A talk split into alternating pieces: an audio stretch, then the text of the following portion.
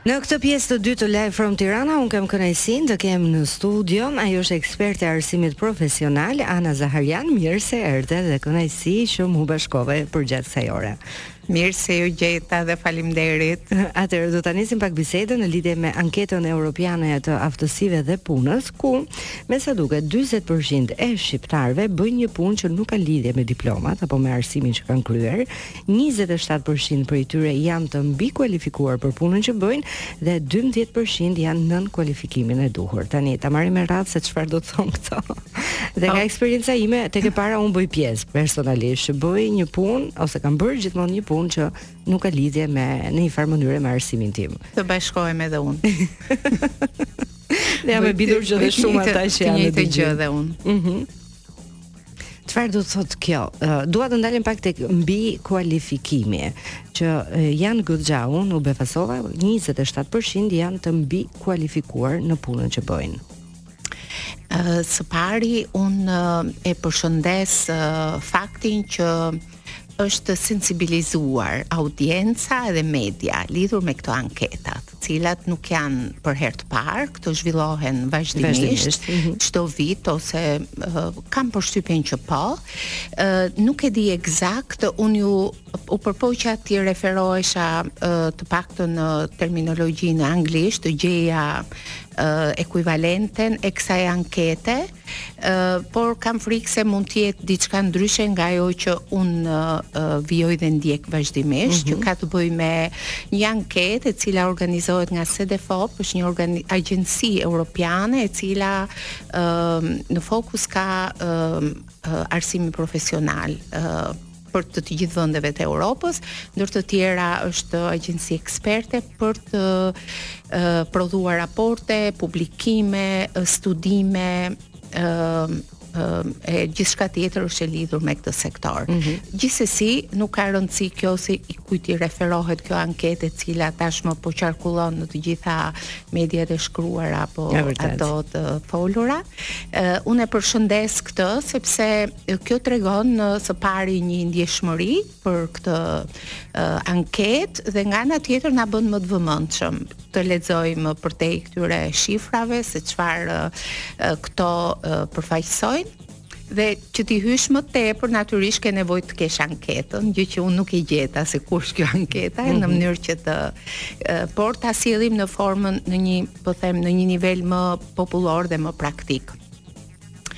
Nuk është për t'u shqetësuar kjo që njerëzit 40% e tyre nuk vijojnë pra të njëjtin po them rrugë profesionale mm -hmm. siç ato është kanë normale. është normale tashmë është bërë madje është po them është trend kjo mm -hmm. sepse njerëzit ndryshojnë kohët ndryshojnë teknologjia ka sjellë revolucion në jetë, jo vetëm në ato profesionale, kështu që vetvetiu je i i ekspozuar ndaj shumë ndryshimeve, trendeve, je i tunduar, uh, ajo që ti ke lexuar dje sot të duket e vjetruar, mm -hmm. uh, jo më profesioni që zgjat uh, po them rreth 5 vite ti të studiosh dhe të presësh që pas 5 viteve ti të kesh të njëjtin perceptim për ato që ti doje para 5 viteve. E drejtë. Do ta vazhdojmë këtë bisedë, por fillimisht uh, do të bëjmë një shkëputje të vogël, do të shkojmë tek një këngë e realizuar gjatë këtij viti, është Elio me More Than My Mind.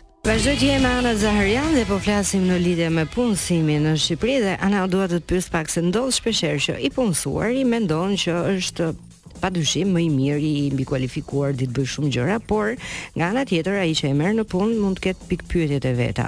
Dhe po mendoja kjo anketë, kujt i referohet, është një gjë që është bërë një studim me ajsa dieta, sepse dhe unë bëra kërkimet e mia dhe nuk më rezultoi nëse kishte një studim të gjatë në lidhje me këto, Por gjithmonë është kjo që ndodh si përballje midis ai që është në punë edhe ai që e ka marrë në punë këtë person, që po, mund të mos shkojnë gjithmonë në të njëjtën rrugë apo në të njëjtën linjë mendimi.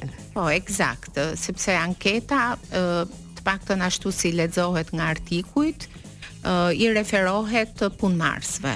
Pra, ata të cilët janë të punësuar dhe ajo është një perspektivë dhe opinion i tyre.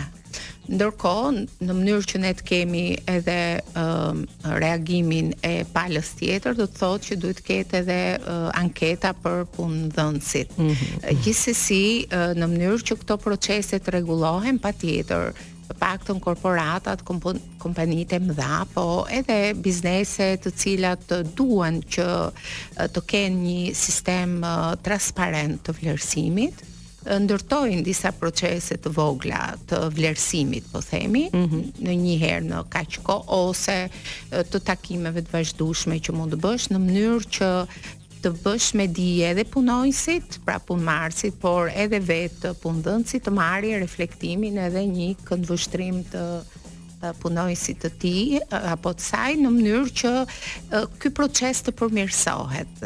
Kështu që Unë ma do mëndja që përtej kësaj vetë anketa duhet të ketë besoj edhe përgjigje të punëdhënësve në mm. këtë, në këtë aspekt në mënyrë që të shikojmë pra se si ata nëse e mbivlerësojnë pra fakti që dhe nga ana tjetër vetë anketa shpjegon që e, këta e, të anketuarit pra këta referojnë të ci referojnë që kanë mbikualifikim. Mm -hmm. Por mbikualifikim do të thotë ata do të thotë? Po, ata e krahasojnë mbase me diplomën që kanë. Mm -hmm. Pra, ai është bën punën si një kamarier dhe ndërkohë është i mbikualifikuar sepse është me arsimin e, e lartë. Lart por dhe ky, ky është një po, fenomen shumë i njohur po, tek ne. Por uh, edhe kjo është uh, gjithsesi ne jemi në një treg të lirë.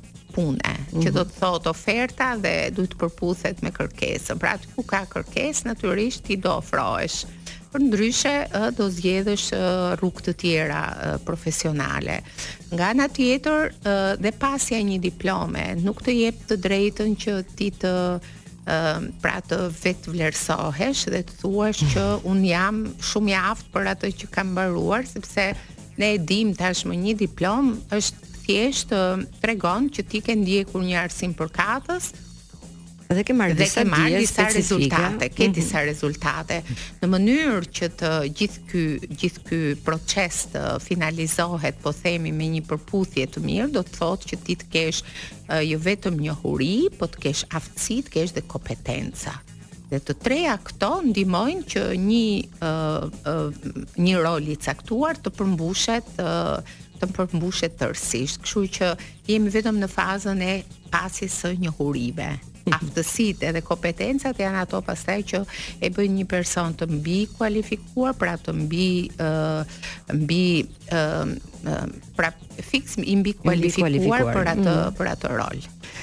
Tani, një gjë që mua më bëri përshtypje, sepse janë tre kategori, pra 40% ata që janë diplomuar për një gjë dhe vazhdojnë një gjë tjetër, por ka do ngelem pak te kjo e para. Ka nga ata njerëz që unë i kam dëgjuar apo të rinj apo të reja që me të drejtë mund të kenë mbaruar inxhinierinë, ku e di unë juridikun, ekonomikun dhe për pasi dalin nga shkolla hasen me një realitet që nuk gjejnë punë në zanatin e tyre, po e quaj unë.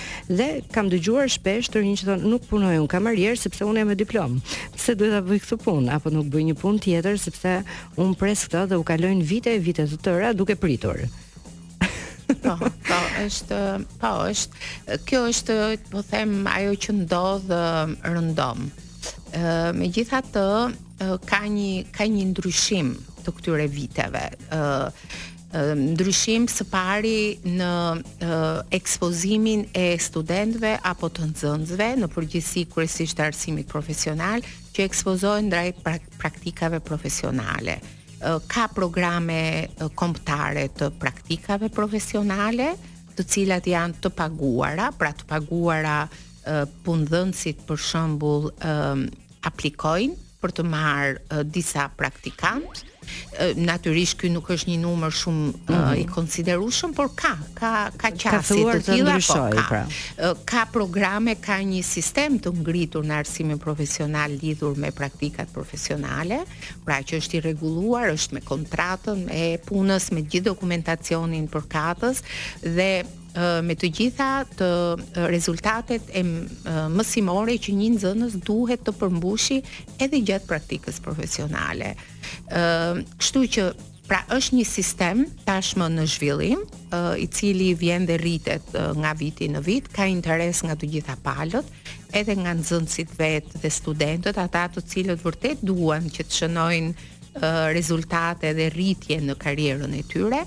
Ka interes edhe nga bizneset për të marrë praktikantë, megjithëse kjo gjithmonë konsiderohet si një kosto për ta, mm -hmm. si mhm. shpenzim, por ë ë duhet të ngritur, duhet punuar për të krijuar mendësinë e investimit.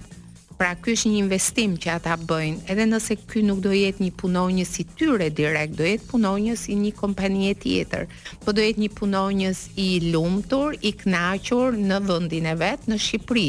Pra, në një farë forme ne të gjithë duhet të kontribojmë në këtë lloj investimi në mënyrë që neve të mos gjindemi përballë këtyre situatave që tashmë të gjithë pregatitet rinia, që është një përqindje alarmante, shumë e lartë, me synimin kryesor për të emigruar. Do ta vazhdojmë këtë pjesën e emigrimit dhe pse po ndodh një fenomen kaq i madh në këto vitet e fundit, por fillimisht do të shkojmë te Cordae me Make Up Your Mind, një këngë e realizuar në vitin 2023.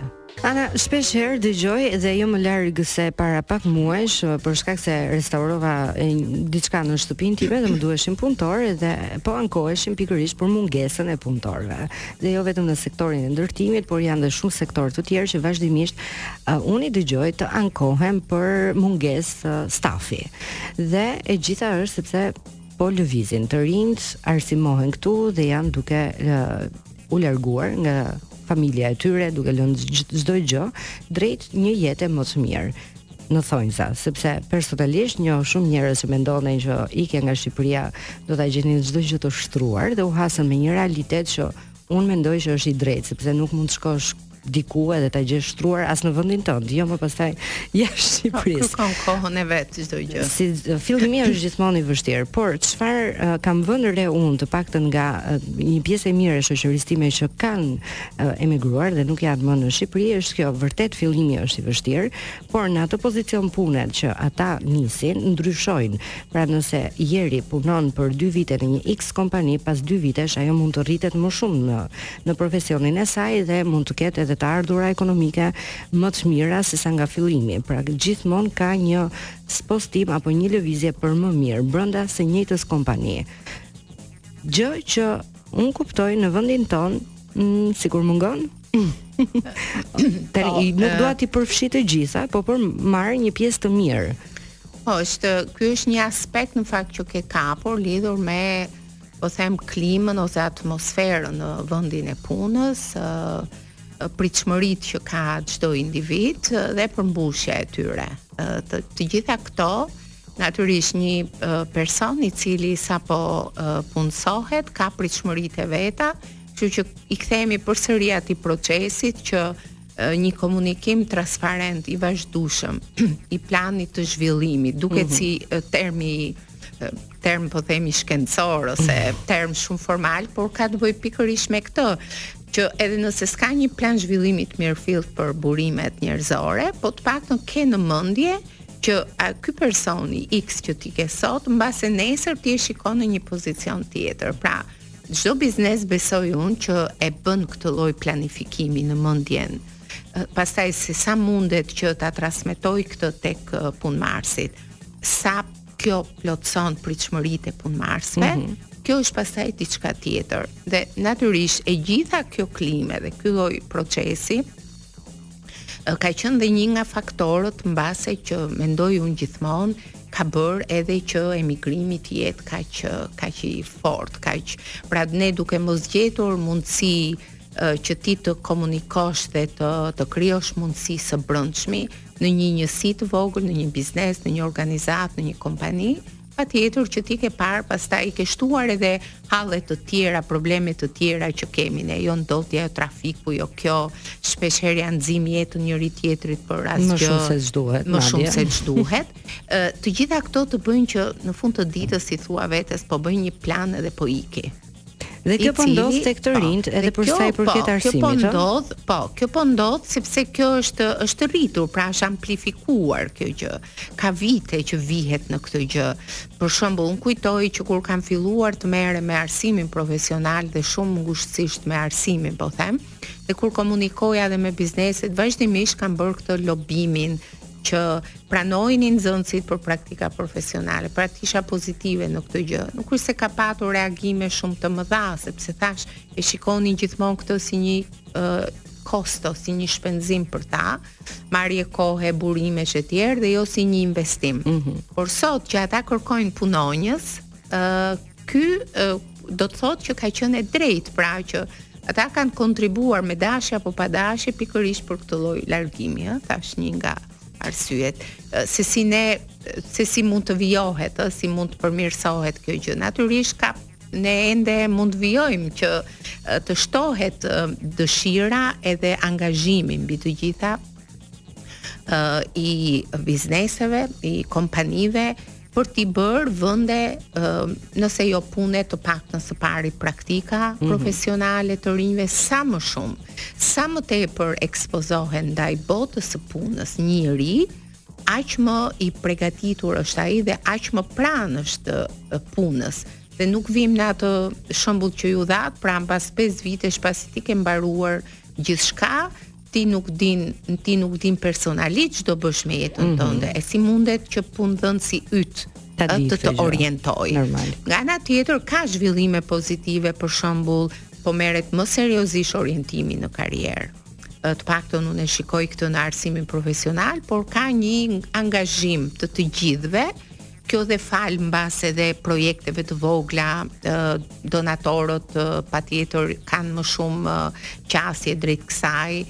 Pra ka angazhime të orientimit në karrierë në moshë më të hershme, e cila duhet të vijojë, pra sa më herët, mundësisht në kopsht, e kam thënë vazhdimisht, mm -hmm. mundësisht në kopsht, t'i ekspozosh ata fëmijët Përballë, t'i vësh përballë gjithë mjeteve të punës, profesioneve dhe kështu ë ngjizet edhe dëshira dhe dashuria dhe për punën dhe për profesionin. Dhe nesër nuk të duket një, një hidraulik, puna. nuk të duket një një ë po them profesion përbuzës, por ai është një profesion utilitar, ne kemi nevojë, ne do kemi gjithmonë. Shumë i domosdoshëm. Ne edhe kur inteligjenca artificiale pra po na zgjon nga gjumi, po na bën detyrat etj etj, përsëri do kemi nevojë të shkojmë në tualet, të bëjmë dush, ë si njerëz. Po. Kështu që hidrauliku do të jetë gjithmonë do të na shoqërojë apo një kuzhinier apo mësusi apo pra profesione të cilat sot përbuzen, pra shihen jo me ndonjë lloj vlerësimi, por ata do të vijojnë të jenë pjesë e jetës tonë. U bë disa vite që në lidhje me arsimin profesional ka ndryshuar gjëra dhe mua personalisht më vjen mirë sepse duhet që një njeri të kuptojë, dikush do të bëhet aktor, dikush do të bëhet, nuk e di, por ka edhe njerëz që duan të bëhen uh, pastiçier, duan të bëhen bukëpjekës, ku e di unë këto uh, zanate që ndoshta duket sikur kanë uh, mbetur në hije, por janë të domosdoshme. Tani Çfarë për sa i përket arsimit profesional, çfarë zgjedhin më shumë të rinjtë? E di që teknologjia mund të jetë në krye të listës, po, po të tjera edhe, edhe hoteleri, turizmi, mm -hmm. sidomos kuzhina është goxha e preferuar. Ë uh, kanë filluar edhe degët e bujqësisë. Uh, kjo duhet parë dhe rast pas rasti, ëh, se gjithmonë ne themi që është ky rregull ose ekziston po them një mundësi e tillë, por varet si ti e implementon për shembull ka drejtues shkollash që janë shumë aktivë a, në nxitje, në promovim, mm -hmm, në tërheqje dhe unë di shembuj shumë të mirë që degët e bujqësisë për shembull i kanë plotësuar, kanë plotësuar ato kuota që ata kanë sepse dhe në arsim profesional nuk mund të shkosh dot pra nuk është investuar aq sa ti të kesh vende pa fund mm -hmm. për të mhm. mbushur. Kështu që ka një uh, teknologjia, e thamë, hoteleri, turizmi, këto degët, domethënë kryesisht, bujqësia thashë më vjen mirë, nga ana tjetër përveç dëshirës që të rinjtë kanë, pra kjo është e lidhur dhe me emigrimin, se marrin një diplomë dhe janë më të gatshëm për të punuar, por kalimi përmes arsimit profesional duhet të dinë, duhet ta dinë të gjithë e para që uh, ok, mund të vijë nga ndërgjegja dhe nga dëshira që ka një fëmijë, por kjo duhet të kryesisht duhet të ndërgjegjësohen prindërit. Pra, përpara se t'i drejtojnë drejt gjimnazeve, duhet t'i ekspozojnë ndaj profesioneve, sepse e para është një uh, një uh, rrugë profesionale jo me shumë kosto për familjen. Mm -hmm. uh, sot në sistemin për shembull ka disa uh, uh, uh, po them ndihma që i jepen bursa. Ka bursa. Po, tashmë është rritur edhe për praktikat profesionale është shtuar që nëse një nxënës bën praktikë profesionale, unë nëse dua ta mbaj, e mbaj dhe 6 muaj dhe vetë shteti do të më rimbursojë pagën, gjysmë pagën e tij. Mm -hmm. Që do të thotë ka incentiva të cilat e bëjnë arsimin profesional shumë të shumë tërheqës, shumë interesant dhe brenda një periudhe të shkurtër ai merr jo vetëm arsimimin, merr aftësi, është më shumë i ekspozuar ndaj tregut të punës dhe mund të punësohen. Pjesa më e madhe e nxënësve të arsimit profesional janë në punë. Ëh, mm -hmm. janë në punë dhe kjo do të thotë që ai pastaj universitetin e shikon si një opsion, por ajo dhe mund t'i zbehet. sepse në qoftë se ai pozicionohet mirë aty ku është, mund bëjë pastaj kurse profesionale për ekstra rritur, për të rritur më shumë. Dhe kjo është gjëja më e mirë. Kështu që kjo ka një interes të madh dhe ne duhet të zgjojmë interesin edhe prindërve për këtë. Ana, unë dua të të falenderoj shumë që ishe me mua dhe je e mirëpritur sërish për të folur ndoshta edhe më gjatë për gjëra të tjera. Faleminderit edhe në këtë mjedis shumë të bukur. Faleminderit. Ne shkojmë në pak publicitet dhe rikthehemi sërish në Live from Tirana.